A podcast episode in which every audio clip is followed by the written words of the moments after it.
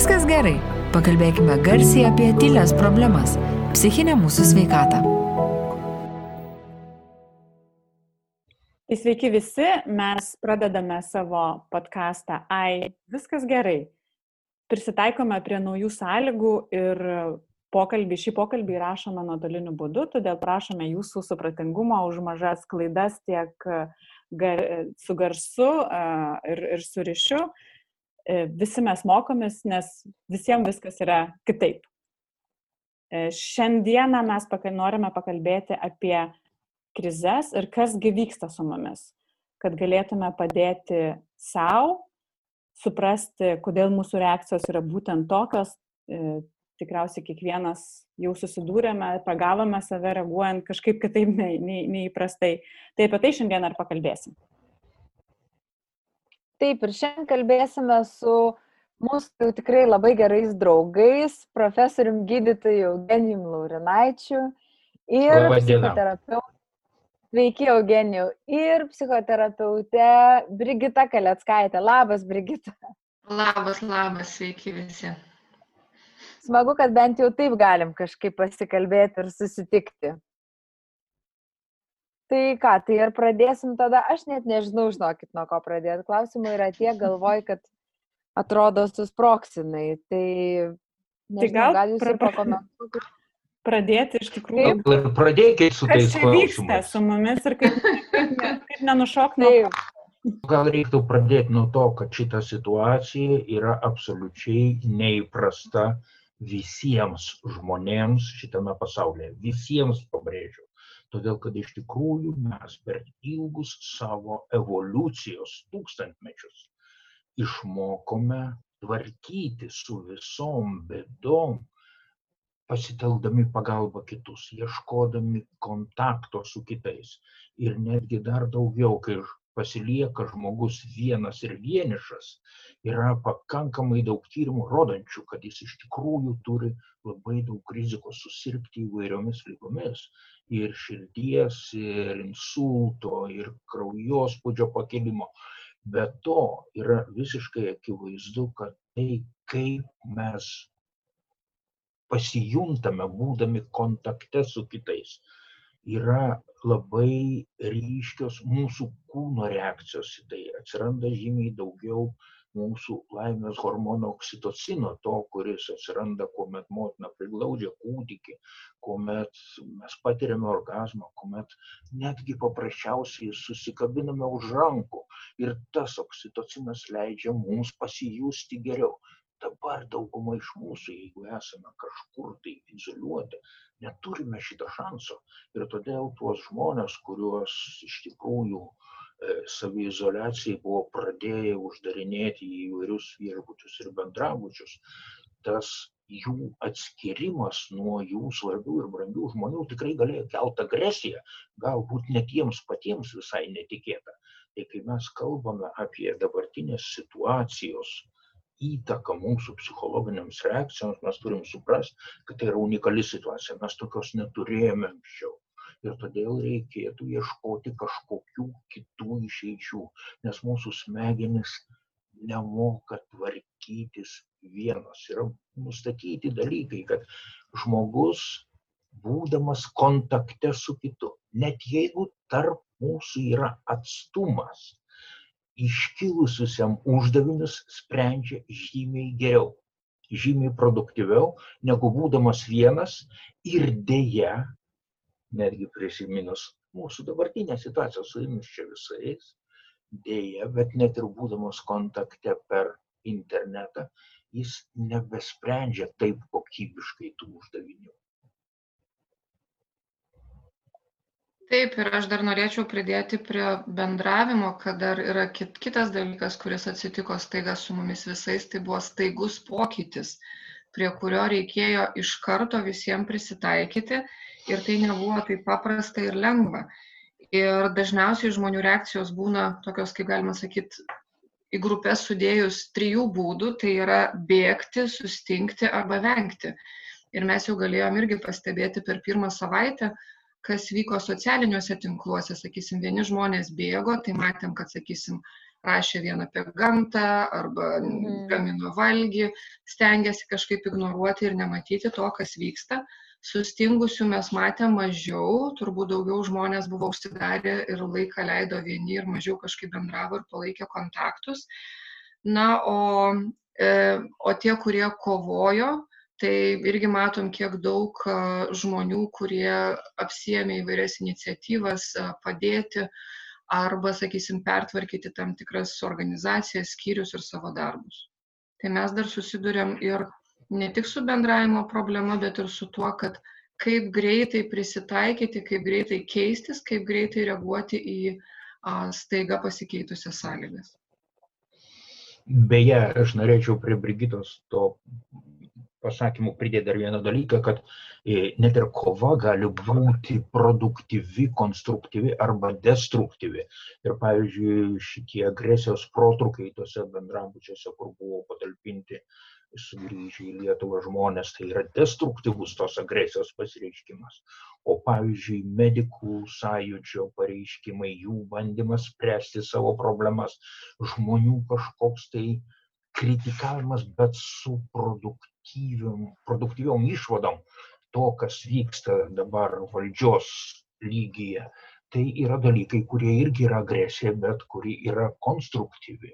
Tai aš galvoju, kad vat, šitos reakcijos yra neišvengiamos mums absoliučiai visiems, todėl kad tai yra evoliucijos sukurta mūsų išgyvenimo strategija pavojingose situacijose, ypač staigiose. Bet pavyzdžiui, vat, kalbant apie agresiją, tai taip jūs kalbate apie tą agresiją vat, žmonių, kurie yra uždaryti ir kurie yra, e, jie sutalpinti, galbūt ten, nežinau, nepažįstami, bijantis. Bet kas vyksta namuose netgi? Kodėl vat, kalba, kad Kinijoje padaugėjo skirybų ir panašiai? Vat kaip susitvarkyti su visom tom emocijom, pavyzdžiui, žmonėms, kurie dabar visi užsidarė, jie yra įpratę išvažiuoti į darbus, jie yra įpratę bendrauti su žmonėm, tada kažkaip sugrįžti į namus. Dabar visi yra kartu, visi mokomės, nežinau, toleruoti, tolerantiški labiau būti vieni kitiems, kaip čia dabar pasakyti. Na, aš tai galvoju, Eglė, kad čia yra labai paprastas atsakymas. Jeigu negali kažko pakeisti, reikia prie to prisitaikyti. Ir čia nais, kai kalbam apie santykius su artimaisiais, uždaryti vienoje erdvėje pakankamai ilgą laiką ir negalintis kažkur išeiti ir prasiventiliuoti, tai mes iš tikrųjų pradedam matyti, ką galim ir ko negalim pakeisti.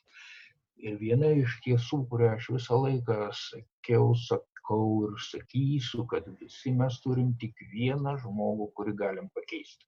Tai yra Save. patys save.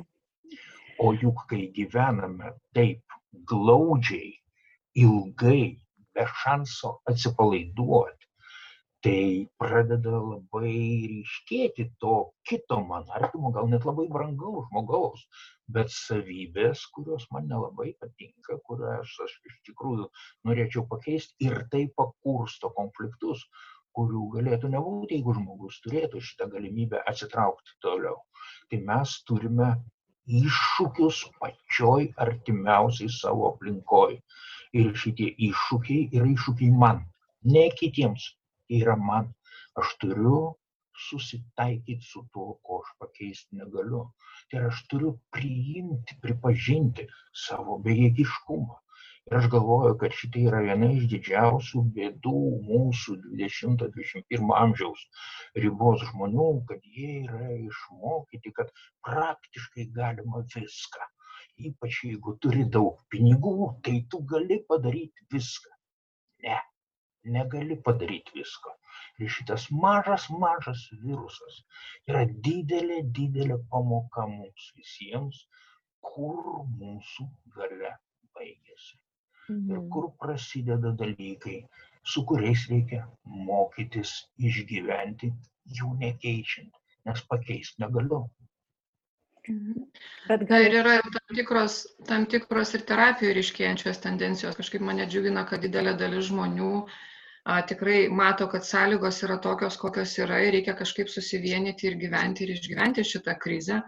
Tačiau yra mažesnė grupelė žmonių kurie sako kad ne man šita situacija nepatinka mano sutuoktinis ar sutuoktinė turi elgtis tiktai taip kaip aš noriu arba čia jis ar ji kalta kad mes dabar ten ir praradom pinigus dėl krizės ir panašiai.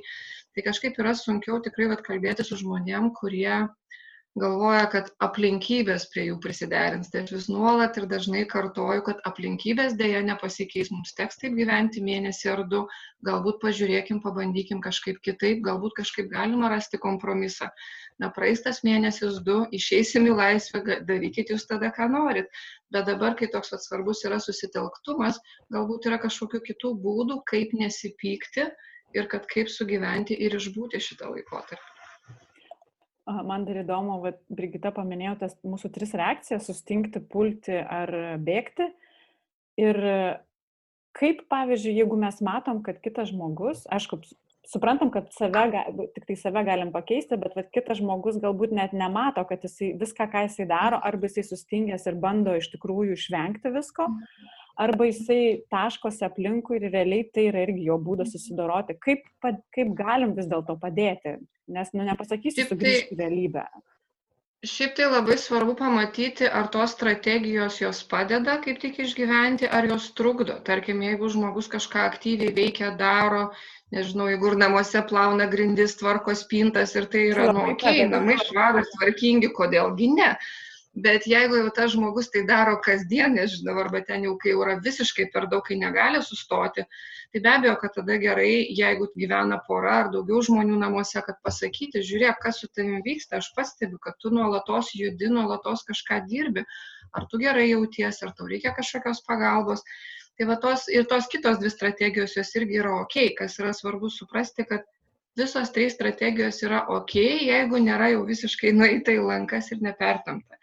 Tai jeigu matom, kad jau yra per daug, tarkim, žmogus visiškai sustingęs guli lovo ir nenori visai judėti, arba jeigu žmogus vengia ir visiškai nekalba apie tai, kas vyksta realybėje, tai kars nuo karto jį gražinti, paklausti, o kaip tau dabar situacija, o kaip tu jautiesi, gal tau reikalinga kokia pagalba, arba kaip tu pats savo galėtum padėti šitoje situacijoje. Ir aš pasakyčiau apie dar vieną dalyką, kada tarp asmeniniuose santykiuose šitą agresiją pasidaro destruktyvi, net žmogus gali visiškai nejausti, kad jisai pradeda kabintis, niurksti, bambėti, kritikuoti be reikalo, kai nėra galimybių nieko pakeisti šitoj situacijoje. Reikia tiesiog pasakyti apie savo savijautą, klausykai, tu taip su manim šneki, man darosi labai liūdna, man darosi baisu, man darosi neramu, kas bus toliau ar tau neatrodo, kad mes galėtumėm apie tai pabandyti pašnekėti kitaip? Nes iš tikrųjų, kai tik prasideda priekaištų ir reikalavimų kalba, santykiai vyra, santykiai yra. Ir todėl ieškoti bendros kalbos reikia pradedant nuo to, kas yra objektyvų ir nepakeičiama. Šito mes galim kalbėti apie tai, galim nekalbėti, nepakeisime. Gal mes galim pašnekėti apie tai, ką pakeisti mes galėtumėme.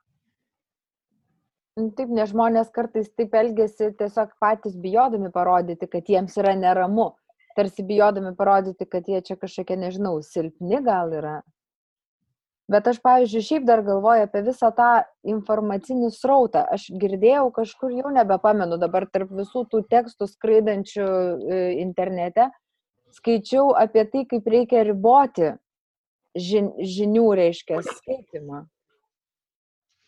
Reikia, kaip reikia tą daryti, nes aš taip... Be jokios abejonės, be jokios abejonės, nes jeigu... Save, aš pagaunu save, kad aš mirkstu tame tiesiog ir tada kaupi, kaupi ir tada tik tai baisu, baimė auga, auga, didėja, didėja, didėja ir ką, ir nieko, ir kažkur tada išsproksta namuose.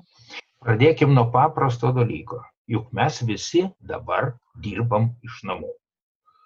Ir todėl reikia savo labai aiškiai pasakyti, kad tas darbo laikas, kurį aš dirbu, yra tik darbui. Niekam daugiau, jokiems interneto ar Facebooko skrolinimams, jokiems informacijos gaudimams kas penkias minutės, tik darbui.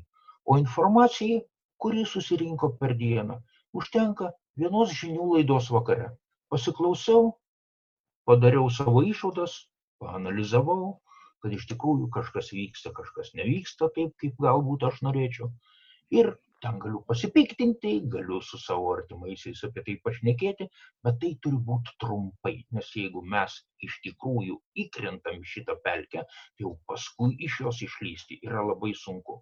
Nes yra aiškiai įrodyta, kad informacija, kurią mes klausom, girdim, priimam, iš tikrųjų keičia mūsų mąstymą, keičia mūsų suvokimą, mes pradedam kitaip matyti pasaulį. Ir tas nerimas, kuris auga dėl to, iš tikrųjų jau pasidaro labai sunkiai tada įveikiama. Tai va šitą informacijos srautą tikrai reikėtų riboti, nes jis dabar aišku absoliučiai nebus geras.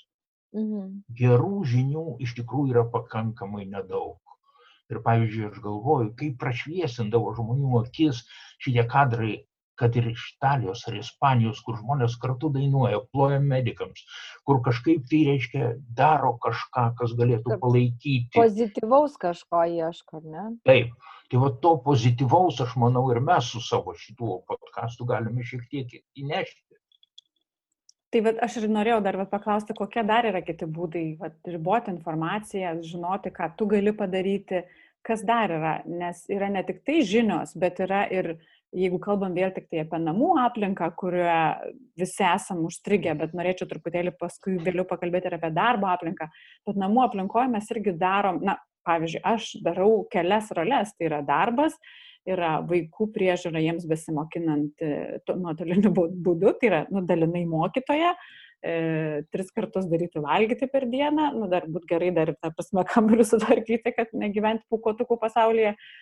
Tų rolių yra labai daug, kaip ta prasme, kaip čia disciplinos reikia nustatyti laiką savo kažkaip tai ir atrodo, kaip supranti, bet, nu, va, tik tai pagauni save, kad jau važiuoja stogas. Ja, šiaip tai yra rekomendacija netgi būtent tą naują rutiną susikurti, nes mūsų rutinos buvo pritaikytos prie to, kaip mes atsikeliam, susirošiam, išeinam, užsiemam veiklom ir pareinam namo. Dažniau buvo žmonių, aišku, kurie dirbo ir namuose, bet vis tiek dažniau mes išeidavom tai dabar yra tokia irgi rekomendacija kad labai svarbu susikurti naujas rutinas nes jos įneša ir tokio stabilumo. Ne tik tai roles atskiria kad va šiuo metu aš dirbsiu va šiuo metu aš ilsėsiuos bet tuo pačiu ir atneša to truputį stabilumo jausmo kad aš galiu kontroliuoti savo lauką ir aš galiu kažkaip tai jį valdyti ir skirstyti per dieną kad tas toks nu tai yra padeda kartu ir tvarkytis su nerimu kai mes įsivedam naujas taisyklės, nes jeigu yra chaosas, jeigu nėra aiškumas, tai kaip čia mes dabar turim daryti, tai pakankamai sudėtinga. Ir tarkim, man buvo irgi visai neseniai atsiuntė viena moteris, netgi parašius ant dviejų lapų išrašė visiškai visas taisyklės aptartas su vaikais ir vyru, kaip jie dabar gyvens, kokių taisyklių laikysis, kokios rutinos darys, kokią rutiną darys, ir būtent aptarę jie visi keturi kaip komitete tokiam pasikabina tas taisykles ir pagal jas gyvena. Tai irgi vienas iš būdų, kaip vat, suvaldyti tą chaosą. Man tai dar įdomus tas žodis chaosas šitam kontekste, todėl kad atrodo, kad namai taigi kaip tik viena iš labiausiai sutvarkytų sistemų mūsų gyvenime. Todėl kad iš tikrųjų sąmoningai ar nesąmoningai, bet tas rutinas mes esame prieėmę, mes esame jas patvirtinę savo net neįvykusiame formaliai, bet vis dėlto vykstančiame vos ne kasdieną šeimos posėdėje. Tu darysi taip, aš darysiu taip, susitarėm, susitarėm, ne, nesusitarėm, gerai, perskirstom, darykim gal kažkaip kitaip. Bet viskas iš tikrųjų egzistuoja. Ir dabar šitą viską reikia keisti. Net ir pažiūrėkim, kaip toks paprastas dalykas apsipirkimas, rizikos amžiaus žmonėms visiškai pasikeitė, jeigu tai anksčiau buvo kažkokia pramoga pagyvenusiam žmogui nueiti į parduotuvę, pavartyti produktus. Dabar visiškai atvirkščiai reikia tiesiog surašyti sąrašėlį, dar paaiškinti, kaip tas turi būti produktas, reiškia, parinktas ir priimti maišą nuo durų. Tai nuo žmonių iš tikrųjų įpročio kažką daryti atsirado baisus pasimetimas, tai jeigu aš net to nedarau, tai ką aš tada iš viso darau? Ir iš tikrųjų mano pacientų vyresnių kelių pastebėjimas, kad gyvenimas tapo visai nebepanašus į gyvenimą, o greičiau į kažkokią egzistenciją priklausomą nuo kitų. Tai va šitas jausmas yra tikrai irgi labai nelengvas pakelti. Jo, man kažkaip atrodo, šiuo metu galbūt sunkiausia yra tiem, kurie gyvena vieni. Ir dar pakankamai girdžiu, kam yra sunku, kas, tarkim, augina 2-3 vaikus ir jeigu dar būna vienišas tėtis arba vieniša mama, ta prasme, kad augina tik tai su mažais vaikais. Tai va šiom, šiom grupėm tikriausiai yra labai sudėtinga, kaip tada va, susidėlioti ir kaip gyventi. Ir aš pritariu vieni irgi dėl to, kad kas yra gyvena vienas. Nes tada Mhm. to darbo pasiskirstimo nėra, tada viso, Taip. visas, viskas esi tu.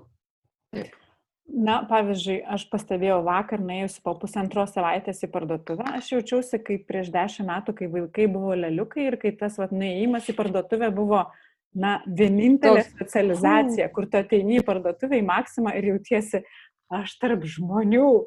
Ir aš vakar eidama, netgi karantino sąlygomis po pusantros, po pusantros savaitės į parduotuvę, pagavau save, kad aš prisimenu tą jausmą, kaip tu išeini ir vienintelė vieta, kur tu jauti ir matai kitus žmonės, yra parduotuvė, kur tau realiai negalima būti. Tai tokia susiaurinanti labai erdvė. Jo, bet ir tas socializacijos um, veiksmas pasidarė šiek tiek kitoks, nežinau, kiek aš pastebėjau, kad vis tiek prilaikom atstumą, dabar neinam vienas arčiau kito. A, Jeigu seniau būdavo susitinki, pasisveikini, nusišypsai, tai dabar kažkaip pastebėjau dažniau akis nuleidžiam, tai prasme praeinam, kaip atrodo, nežiūrim. Toks, kad irgi yra, bet elgesio modeliai keičiasi. Grinai ir dėl saugumo, ir dėl to, kad taip reikėtų šiuo metu daryti. Ir na, tai, tai natūralu, ką jūs sakote, Brigita, todėl kad iš tikrųjų juk mūsų bet koks kontaktas prasideda nuo akių kontakto.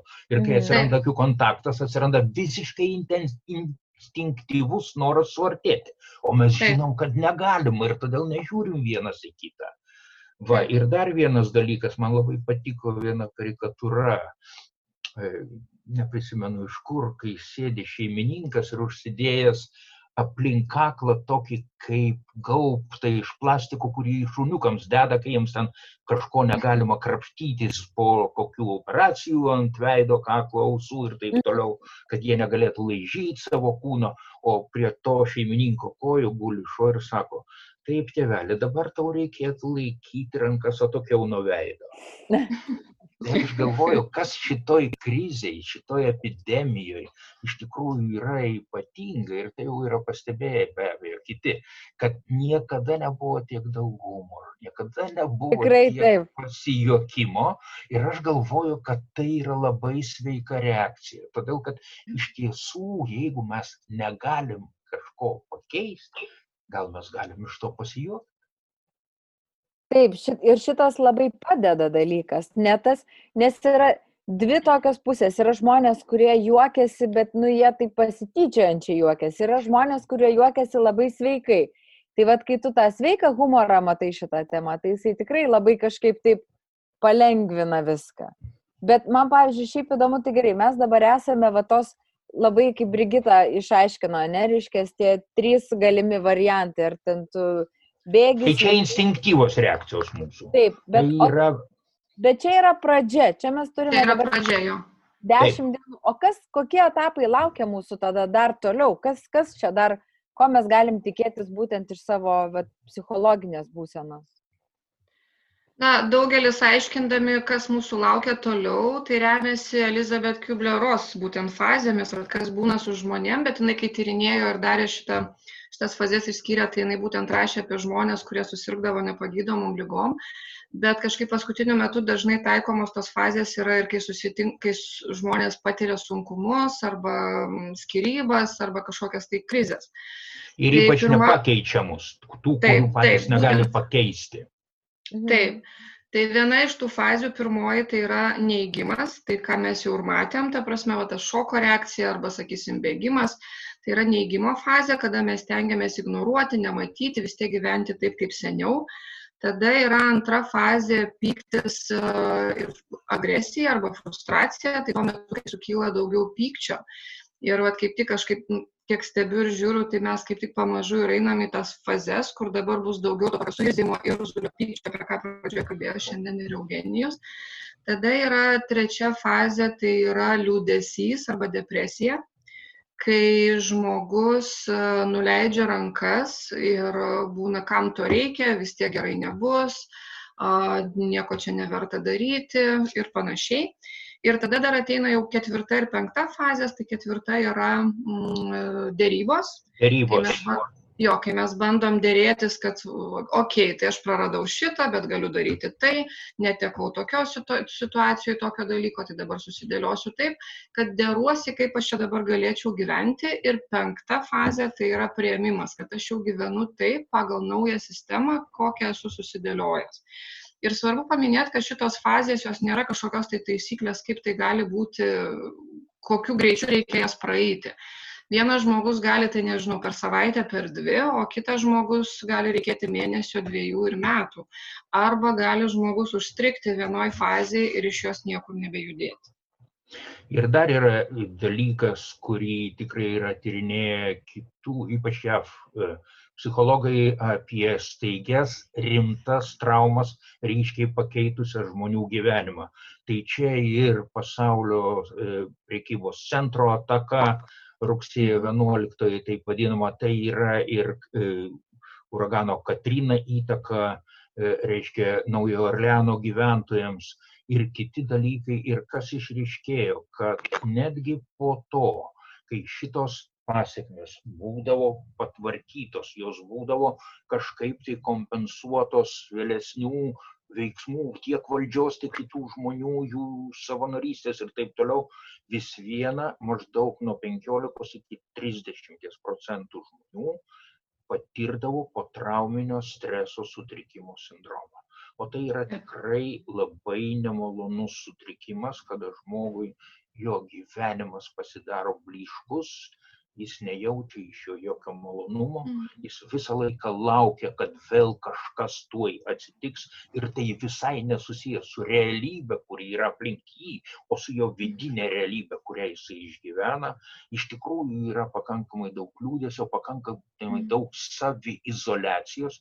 Tai yra ta saviizolacija, kurią mes patiriame dabar, gali tapti pati trauminių poveikiu mūsų smegenims. Smegenis neįpratusios būti be kontakto, be ryšio, be artumo.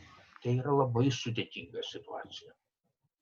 Ir mes irgi dar tarp specialistų pasikalbam, kad tarkim šiuo metu iš tikrųjų yra daug pagalbos, kur galima kreiptis į psichologus, psichoterapeutus dėl konsultacijų.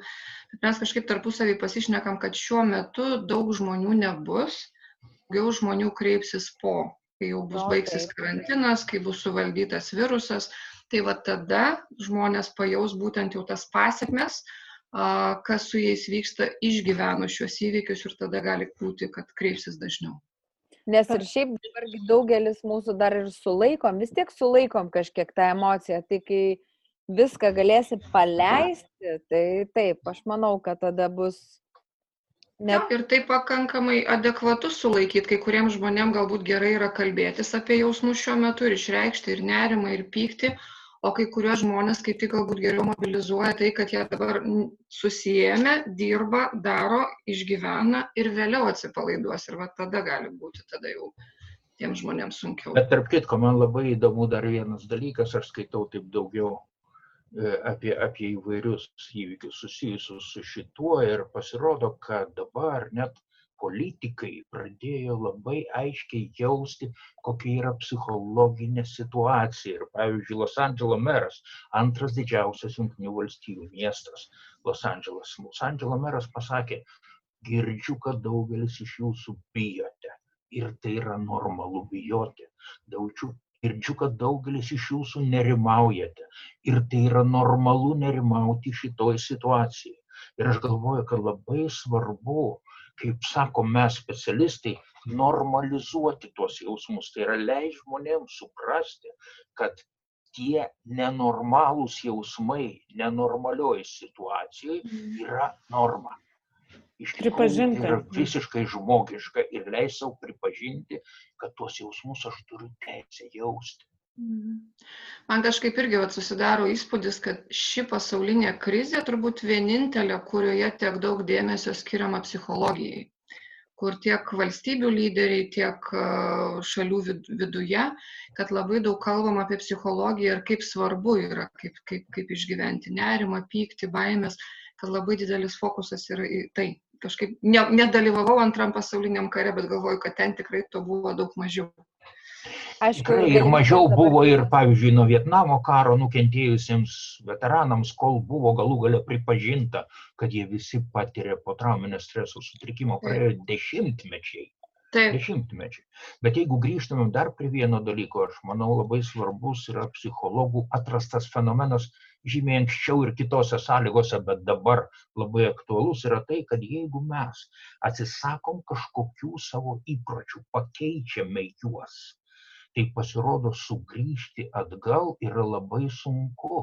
Buvo padarytas tyrimas, kai kažkokiam mieste, Junktinėse valstijose buvo pasirodę, kad iš krano bėgantis vanduo yra kenksmingas sveikatai. Ir kilo didžiulis skandalas ir tenais buvo labai daug įvairiausių galvų nukirsta, bet kai tas vanduo buvo galų gale visiškai išvalytas ir vėl iš krano bėgo švarutėlis, tinkamas gerti vanduo, to miesto gyventojai toliau netikėjo. Ir toliau jie to vandens iš krano negėrė. Apie ką kalbam?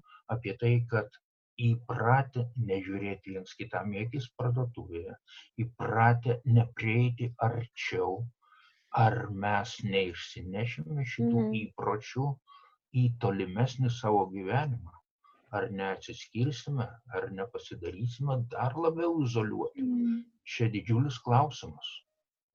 Čia Bet gal čia labai, labai svarbus pastebėjimas, nes mes, kai grįšim atgal į gyvenimą, mes nebegrįšim į jį tokį patį, jis bus kitoks.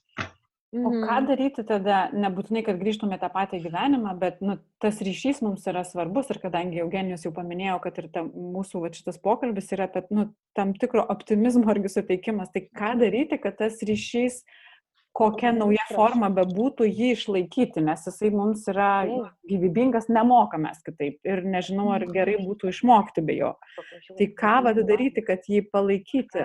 Turim dabar šiuo metu mažiausiai bendravimo, tai bent jau kol kas video bendravimas, jeigu tie žmonės yra nuo mūsų atskirti, būtų toks daug e, geresnis variantas negu vien tik tai kalbėtis arba e, rašyti žinutės.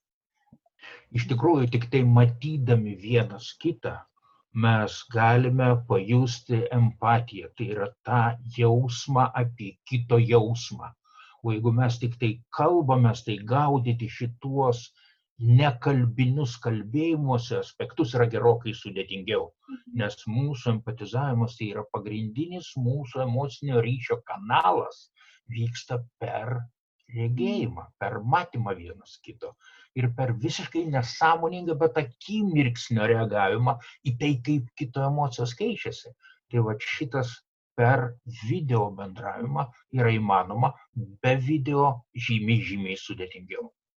Teko matyti tokį dalyką, čia prieš metus apie Skype konsultavimą terapeutė dalinosi, kad netgi galima padaryti ir apsikabinimą, nors tai atrodo na, netikra ir tai nėra visiškai apsikabinimas toks, kaip mes įpratę, bet galima, pavyzdžiui, vat, apsikabink save taip ir kad galima sakyti taip, įsivaizduoju, kad aš tave apsikabinu. Ir jau ne vienas yra mokslinis tyrimas apie tai, kad mūsų smegenim tai yra tas pats, ar tai vyksta įsivaizduojant, ar vyksta iš tikrųjų, kad ta reakcija žmogaus yra tokia pati. Tai tas toksai vat, apsikabinimas ir čia aš siunčiu tavo apsikabinimą ir tu pajaus, kad tai aš, irgi gali mums šiuo metu tikrai labai padėti, kai trūksta to fizinio kontakto. net susigraudinau, atsiprašau labai. Aha. Mm.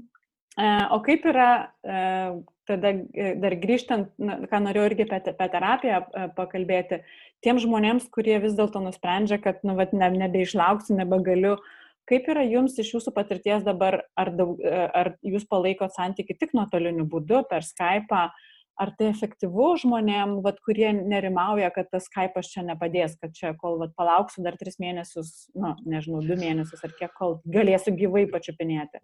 Nu, žinot, pradėkim nuo to, kad mes terapijos seanso metu nečiupinėjom vienas kito ir todėl tai yra tam tikra prasme lygiai tiek pat gyvai, jeigu mes bendraujam dviese, jeigu tik mes vienas kitą girdim, jeigu kalbam apie tos pačius dalykus, kurie žmogui buvo svarbu ir prieš šitą karantino epochą, tai reikšmingų skirtumų iš tikrųjų nėra. Ir buvo įrodyta, kad internetinė terapija, nebūtinai Skype, yra kitus programos, kurias naudojam ir Zoomas, ir visi, ir kitos, bet internetinė terapija yra tiek pat efektyvi, kiek tiesioginio kontakto terapija.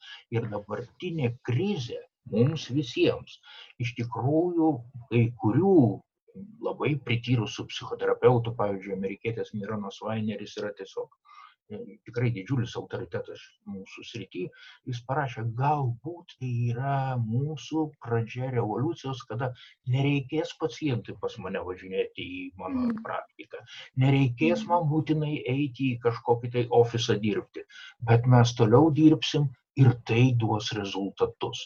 Tai va aš galvoju, kad kai mes kalbam apie šitą norą, nenorą dirbti, yra tik tai vienas pastebėjimas, kuris tikrai yra svarbus, kad skirtingos kartos šitą terapiją priima skirtingai. Ir pavyzdžiui, tie, kurie jau gimė su internetu, ir jie įpratę labai daug tame internete gauti, matyti, pasiimti, palikti, atiduoti, pasikeisti, pasidalinti, jiems lengviau vyresnio amžiaus žmonėms sunkiau kuo vyresni tuo sudėtingiau. Ir todėl vis tiktai nežiūrint į tai kad jin yra efektyvi šita terapija ir tai yra įrodyta jinai ne visiems. Kai kam jin tinka kai kam vidutiniškai o kai kam nelabai. Ir tai yra ir apie pacientus ir apie pačius psichoterapeutus. Taip kad tai nėra visiškai vienareikšmiška jo ir šiaip tai jau didelė dalis specialistų ir prieš karantiną daug kas dirbo irgi online būdavo pusė sesijų sakysim susitinka gyvai pusė sesijų onlainu tai nebuvo kažkokia didelė naujovė. Tačiau būdavo klientų kurie nenorėdavo dirbti online tai vat jiem tada yra sunkiau tarkim kai atėjo krizė tai dalis klientų išsibraukė, sakė, ateisim tada, kai vėl galėsim susitikti gyvai, bet pasiliko tą galimybę, kad e, jeigu bus blogai, tai būtinai tada kreipsiuos galbūt kas naujo nežinau mano aplinkoj ką aš pastebėjau aš pavyzdžiui niekada nekonsultuodavau ir aplinkui specialistai tikrai nekonsultuodavo telefonu kad buvo vis tiek daugiau tos telefoninės linijos kur kreipdavosi žmonės psichologinės pagalbos bet tai nebūdavo terapija telefonu. Tai dabar yra keletas konsultacijų atsiranda kai žmonės paprašo telefonu. Tai va čia gal tokia daugiau naujovė Ir dar yra viena tos distancinės terapijos rušis, kurios aš nežinau, ar iš vis dar kol kas kas nors naudoja, tai yra čatai. Tai yra rašyti, visą laiką viens kitam rašyti. Nu, tai labai specifinė terapija, gal greičiau tinkama tam, kuris iš tikrųjų įpratęs labai daug rašyti tekstų, kad ir telefonu. Aš nelabai Taip. save įsivaizduoju taip dirbti. Taip. Žinau, kad daro ir Lietuvoje vieną projektą, IT specialistai kartu su psichologais, kad irgi planuoja konsultuoti irgi tais čiatais. Arba gal jau ir įgyvendino netgi. Aš dar girdėjau tokį irgi įdomų dalyką, kad e, žmonės šiaip jau labai sugebėjo kažkaip, matau, atrasti tą teigiamą pusę šitos krizės. Tai yra va ta galimybė praleisti, nežinau, laiką su šeima, su vaikais, eiti pasivaikščioti, E, ten, nežinau, atsikelti kažkiek vėliau, galbūt ten pasivalioti lovą ir panašiai. Bet aš girdėjau tokį dalyką, kad, nu, ne va tai baisu džiaugtis, kai yra šitai blogai, tai baisu džiaugtis kažkokiais gerais dalykais, nes kaip tu čia dabar tokį blogį gali vertinti kaip gerą. Bet juk reikia kažkaip ieškoti tų teigiamų pusių, ar ne, ką visai tai duoda mums. Oi, tai be jokios abejonės aš galvoju, kad čia nais pasakymas, kad čia yra toks blogis, yra truputį nesupratimas vieno labai paprasto dalyko, kad visas šitas karantinas nėra dėl to, kad dabar yra taip blogai, o jis yra tam, kad nebūtų taip blogai. Juk mhm. karantinas yra prevencijos, o ne gazdinimo priemonė. Tai yra ne bausmė mums, nors mes taip jaučiamės. Labai daugelis žmonių iš tikrųjų jaučiasi, kad karantinas yra jiems bausmė. Nieko panašaus, tai yra jūsų apsaugojimo priemonė. Apsaugojimo nuo kažko, kas galėtų įvykti negerą. Ir todėl tol, kol jūs apsaugoti, ir dar turite šansą su savo artimaisiais būti visą dieną ir bendrauti taip, kaip niekada iki šiol, tai tai nieko blogo. Atvirkščiai tai kaip tik jums labai gerai ir todėl džiaugtis nėra jokios gėdos ir visai nereikia jausti dėl to kaltės. Visos strategijos tikrai, kurios padeda mums išbūti ir gyventi, tai tikrai yra naudingos ir nebūtinagi visiems verkti ir nebūtina visiems džiaugtis, kiekvienas turi skirtingą savo strategiją. Bet o dar kalbant apie visas tas baimės, su kuriuo mes susidurėm, nes taip yra, yra tie dalykai, kurie, kuriuos mes bandom pamatyti kaip teigiamus, bandom pamatyti, ką mes laimim iš šitos situacijos, bet yra dalykai, kurių mes siubingai bijom. Vieni bijo labiau, kiti bijo mažiau. Visi seka, kas vyksta pasaulyje, kiek išeina žmonių dėl viso to. Ir turbūt vat, visą, visą tą aš nežinau, gal didžiausia turbūt įtampa kelia būtent ta mirties baimė žmonėms, su kurie jie mhm. susiduria. Nu, gal užtenka pagalvoti apie tai, kad koronaviruso mirtingumas kai kuriuose šalyse yra didesnis už gripo, o kai kuriuose šalyse yra mažesnis už gripo. Ir pavyzdžiui, Junktinėse valstijose per šituos tris mėnesius nuo koronaviruso mirė, jeigu aš neklystu, 2,5 tūkstančio dabar, o nuo gripo 25 tūkstančiai žmonių. Ir mes kažkodėl to koronaviruso mirčių skaičių demonizuojam ir negalvojam visai apie tai, kad iš tikrųjų dėje, bet daugelis šitų virusinių infekcijų iš tikrųjų yra tarsi giltinės dalgis. Jis ateina pas tuos, kuriems dėja jau atėjo laikas išeiti ir didžiajai daliai, kurie yra mirę, yra visų pirma daug metų, jie sirgo daugeliu susirgymų ir prieš tai. Ir ta infekcija tik tai uždėjo ant viršaus kažkokį išbandymą jo organizmui, kurio jis neišlaikė nereikia galvot kad tai yra tik apie senus žmones yra ir jaunų kurie turi pakankamai daug įvairiausių susirgimų. Man labai patiko vienos britės kuri pasveiko trisdešimties metų mergina. Laiškas į internetą kad tik negalvokit kad trisdešimties jūs esat visi labai sveiki. Geriau pasižiūrėkite į savo ligos istorijas ir pamatysite kad jūs turite kartais vieną, kartais dvi, kartais ir daugiau chroniškų bėdų, kurios jūsų riziką didina. Taip, kad įsivaizduot, kad čia yra vien tik tai senyvo amžiaus žmonėms pavojus, būtų visiškas absurdas. Tikrai taip nėra. Bet mes turim suvokti ir tai, kad dėja, bet su šituo virusu, kuris atėjo, jau mums teks gyventi. Mes niekur nebesidėsim, jis bus tarp mūsų ir vienintelė išeitis iš tikrųjų, kaip sako imunologai, tai yra, kad susidarytų socialinis imunitetas. Tai yra didžiulė dalis žmonių būtų persirgusi, turėtų natūralų imunitetą ir dėl to daugiau nebesirgtų, o tai reiškia ir to viruso toliau nebeplatintų deja kito kelio nėra. Nežinau, čia mano toks pastebėjimas, kad jeigu žmonės ir prieš tai, ir prieš šitam virusui atsirandant turėjo nerimo ir baimės arba buvo sunku kalbėti apie mirtį, tai jiem dabar tai darosi dar sunkiau, nes tada aktualizuojasi daug baimių, a, mirties baimė jinai gali būti irgi įvairi ir dėl savęs, ir dėl artimųjų. Tai tame yra, nėra tik tai viena tema, ten gali būti daug daugiau temų, kurios aktualizuojasi su tuo, kad kažkas tai kažkur šalia miršta nuo viruso ir tai yra adekvatu ir vėlgi tada galima žiūrėti žmogui, kaip jisai gali savo padėti. Vienas iš variantų, jeigu pakankamai žmogus gali žiūrėti mirčiai į veidą, tai galima apie tai daugiau pakalbėti su kažkuo, tai paskaityti, pasidomėti ne apie virusą, apskritai apie mirties temą. Kad galbūt tai yra irgi momentas, kada galima daugiau permastyti savo požiūrį į mirtį ir daugiau susitikti su šita tema. Bet jeigu žmogus mato, kad jam šiuo metu yra per sunku ir nepakenčiama būti šitoj temai, tai gal tada geriau taikyti kažkokias tai, kažkokius būdus, kaip nusiraminti ir kaip tvarkyti su to nerimu. Vėlgi tada pasirinkti savo strategiją, kuri yra geresnė šiam, šiam momentui. Man tai dar labai padarė įspūdį interviu su vienu amerikiečiu imunologu, kuris kalbėjo apie kažkokios tai vakcinos kūrimą, bet jis pasakė, kad visiems tai nebus greičiau ir tai mes visi žinom, kaip per pusantrų dviejus metus ta vakcina sukurta. O tai reiškia, kad per tą laiką mes visi turėsime jausti nerimą didesnį ar mažesnį. Ir jis pasakė labai gražią frazę, mes turime išmokti prisijaukinti nerimą. Taip. Kito kelio nėra. Čia toks didžiausias iššūkis. Aš kažkaip visai irgi netyčia jau pasidėjau ant stalo vėl knygas pasiskaityti iš naujo, tai ir Viktoro Franklio žmogus ieško prasmės, ir Jalomo žiūrint veidų į saulę, ten būtent apie temos yra apie mirtį, apie prasme, toks va, kažkaip atrodo, norisi dar kartą peržiūrėti ir įprasminti šitą patirtį būtent per tai. O... Ir aš galvoju, kad šitas knygas galėtumėm pasiūlyti ir mūsų klausytojams. Aha, aš dabar tą patį norėjau pasakyti, nes jau pagavau save užsirašinėjant pavadinimus. Taip, tai Viktoras Franklis, žmogus ieško prasmės.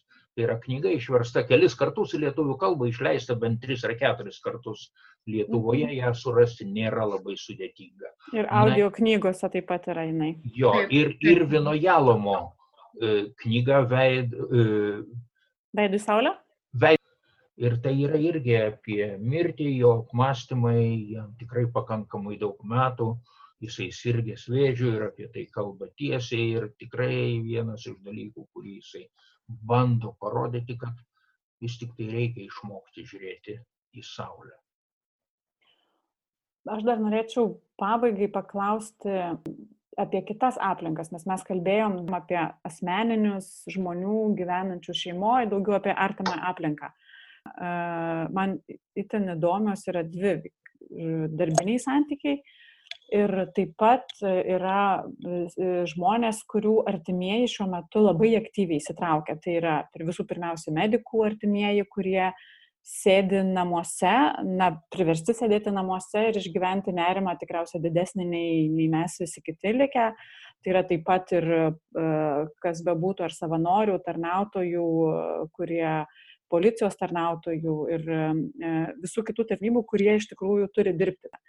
Kaip va, tiems artimiesiams, kaip, kokios čia išgyvenimo strategijos būtų? Man kažkaip tenka bendrauti ir su verslo įmonėm, ir su jų atstovais, tai atkreipiau dėmesį, kad kažkaip visi, tokios irgi galima sakyti, trys grupės, kad gyvena įmonės ir žmonės įmonėse skirtingai. Tarkim, vienos įmonės yra tiesiogiai įtakotos to, kas atsitiko ir veiklos uždarytos, tai kaip yra ir nežinau, išėjusių ir iš darbo ir tikrai yra neiški finansinė situacija, tai tos įmonės laikosi ir žmonės pakankamai blogai. Nėra to tiek daug optimizmo. Antras rytis yra, kur įmonės e, tęsia veiklą panašiai kaip seniau, truputį perdaro, daugiau dirba namie, kažkaip susidėliojo naujus procesus, plus minus irgi dar jie taip gyvena gerai. Na ir trečia, aišku, grupė būtų, kur intensyviausiai dirba, tai yra būtent žmonės, kurie dabar turi daug darbo, ne, ir pašto kurjeriai, ir vaistininkai, ir medikai, ir daug kitų specialybių žmonių, kurie tiesiog yra pervargę nuo, nuo darbo. Ir aš noriu pasakyti, kad aš nustebau truputėlį, bet manęs vėl pradėjo prašyti įvairios įstaigos paskaitų apie tai, kaipgi su šitais jausmais tvarkytis įmonėje, organizacijoje, vadovavimo psichologijos dalykai. Tai aš galvoju, kad vis dėlto dirbančių ir veikiančių aktyviai yra tikrai nemažai ir tai, kad jie ieško savo pagalbos šitoje krizėje pas profesionalus yra labai gerai, kad jie neišradinėja dviračio, nebando kažką tai daryti patys, o ieško kaip ir kas gali būti padaryta pakankamai galvojant, tai yra remiantis faktais, rastais procesais ir taip toliau. Tai šita prasme aš galvoju, kad mūsų lietuviškas ir ne tik lietuviškas, bet ir tarptautinis esantis Lietuvoje verslas yra pakankamai racionalus. O kaip yra tada, kur minėjau, su artimaisiais, kurie yra namuose, o jų, jų brangiausiai yra tose fronto linijoje dirba? Nu, čia Brigita galėtų daugiau papasakot, nes mes turim dabar visą organizaciją, kurioje užsiregistravę yra virš 150 savanorių pasiruošusių padėti nemokamai šitiem žmonėm, kai jie pasijus blogai. Tai va čia jau reiktų, Brigita, pareklamuoti. Jo, kad mes kaip tik galvodami apie artimuosius ir galvodami apie medikus ir apie žmonės, kurie uh, tiesiogiai susitinka su, su koronavirusu sergančiais žmonėmis. Tai mes kaip tik su, sujungiame tokią iniciatyvą, kad konsultuojame online tiek, tiek medikus, tiek jų artimuosius, nes kiek gaunam irgi signalų, kad artimieji pakankamai sunkiai tai išgyvena yra daug ir nerimo, jis yra žymiai didesnis, nes žmonės pareina namo, nors didesnė dalis dabar medikų irgi stengiasi gyventi atskirose patalpose, bet tai vėlgi yra tada kita problema, kad nepareina namo, kad negalim susitikti ir pasimatyti. Tai sąlygos tikrai tokios yra pakankamai sudėtingos, bet na, gera žinia, kad mes prisidedam ir stengiamės padėti tiek, kiek galim ir džiaugiamės, kad jau paskelbus apie šitą iniciatyvą Medu LT nuo sekmadienio, kad jau kreipėsi penki žmonės, kad mes jau konsultavom ir turim realių pavyzdžių, kad pagalba yra reikalinga ir kad mes galime padėti. E, Eugenijau, aš prisimenu, kai mes dar garsą derinom prieš jungiant pokalbį, jūs kalbėjot, pradėjot kalbėti apie tą aktyvų ir pasyvų prisitaikymą, jeigu galėtume truputėlį sugrįžti prie na gal aktyvus ir pasyvus mano galva tai yra uh, skirtumas tas, kad kada aš pasyviai prisitaikau didžiausią dalimi, aš naudoju tą sustingimo reakciją į stresą. Ir aš iš tikrųjų dažnai pradedu jausis visiškai bejėgis. Ir čia vienintelis dalykas, kas gali pozityvaus atsitikti, tai suprasti savo pačiam, kiek man tas bendravimas svarbus ir reikalingas. Nes yra žmonių, kuriems atrodo, kad, ai, ką čia kalbėtis, geriau reikia daryti, veiksmas svarbu. Ir čia mūsų šita izolacija, kuri turim šiandien, duoda nepaprastai gerą pamoką visiems tiems veikiantiesiems, kad iš tikrųjų kontaktas yra svarbus, buvimas kartu su kitu yra svarbus. O tie, kurie gali ir gali kažkaip aktyviai prisitaikyti prie šito susidariusio mūsų, reiškia, visuomenės stovio, tai aš galvoju visokiausios savanoriškos iniciatyvos, visokiausi bandymai kažkaip tai aktyviai padėti mūsų ir žmonėms, ir valstybei, ir šito yra daug. Ir aš galvoju, mm. kad krizės, visos krizės ir iššūkiai iššaukia mumise, pažadina žmonėse ir pačius geriausius, ir pačius blogiausius dalykus. Tai aš tik tai norėčiau tikėtis, kad bus pažadinta daugiau gerų ir mažiau blogų dalykų. O pabaigai aš tada norėčiau, vat, pratesant Eugenijus mintį, ką vat, šis laikotarpis jumise pažadino tokio gražaus, ką jūs atradot, ko, ką, vat, ką vat, davė šitas laikotarpis, kuris yra visiems sunkus, e, pilnas įtampos, bet na, yra tokių vis tiek perliukų, kuriuos mes atrandam. Tai gal pabaigtume su tokia gražia gaida.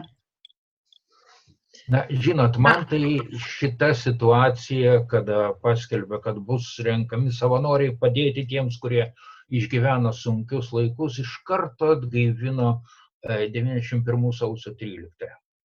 Ir iš tikrųjų aš buvau parlamente pirmoje psichologiniai, psichoterapiniai tarnyboje būdėjime sausio 16 dieną. Po trijų dienų mes jau buvom parlamente tą naktį ir pradėjom dirbti su tais savanoriais, kurie tenai sėdėjo ir buvo pasiruošę numirti. Bet tai buvo seniai, dabar apie tai nereikia kalbėti, bet noriu pasakyti, kad iš tikrųjų atgaivino būtent šitą jausmą, kurį aš galėčiau pavadinti labai paprastai.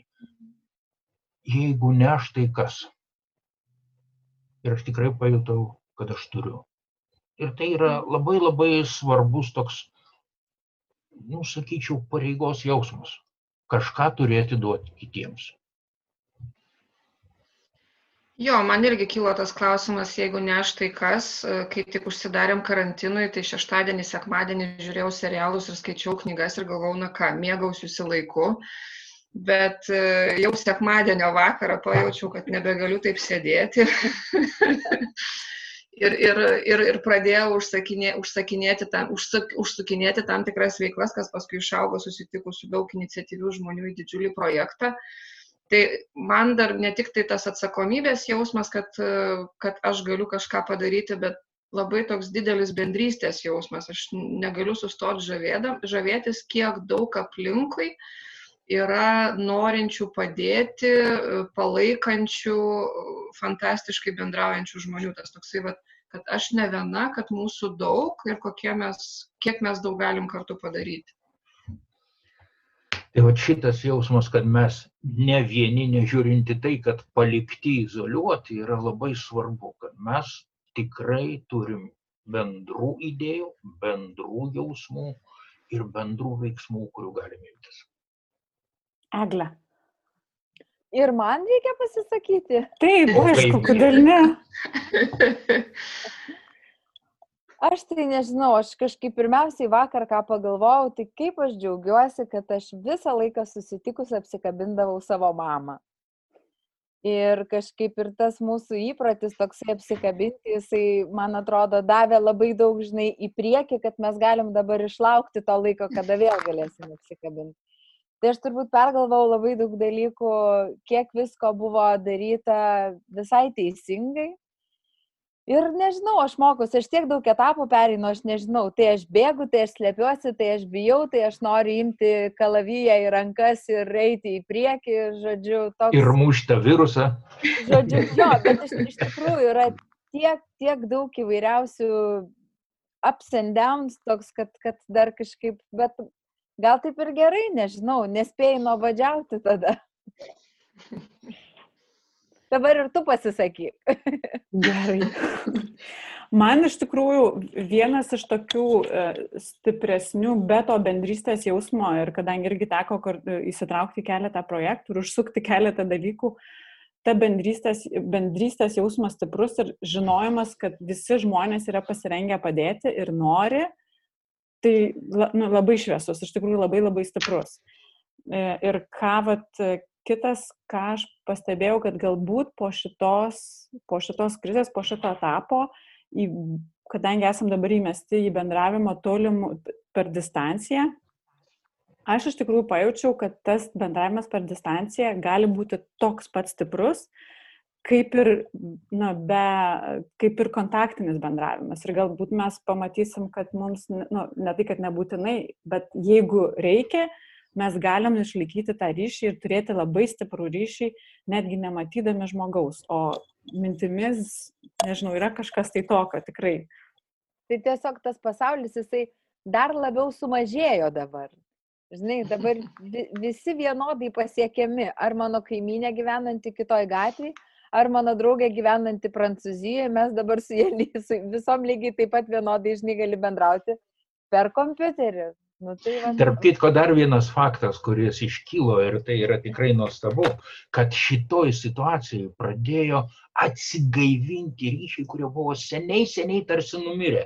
Ir vienas psichologas straipsnėje rašo, kad jį pradėjo susirasti ir su juo kalbėti žmonės dešimtmečius nekalbėję, o vienas nekalbėjęs 45 metus paskam. O, Tai yra kažkas tai iš tikrųjų tame poreikyje būti su draugais egzistuoja ir įvairiuose tokiuose veiksmuose.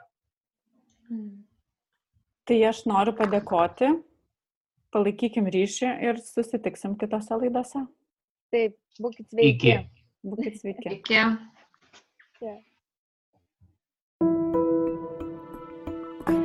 Ai, viskas gerai. Pakalbėkime garsiai apie tylės problemas - psichinę mūsų sveikatą.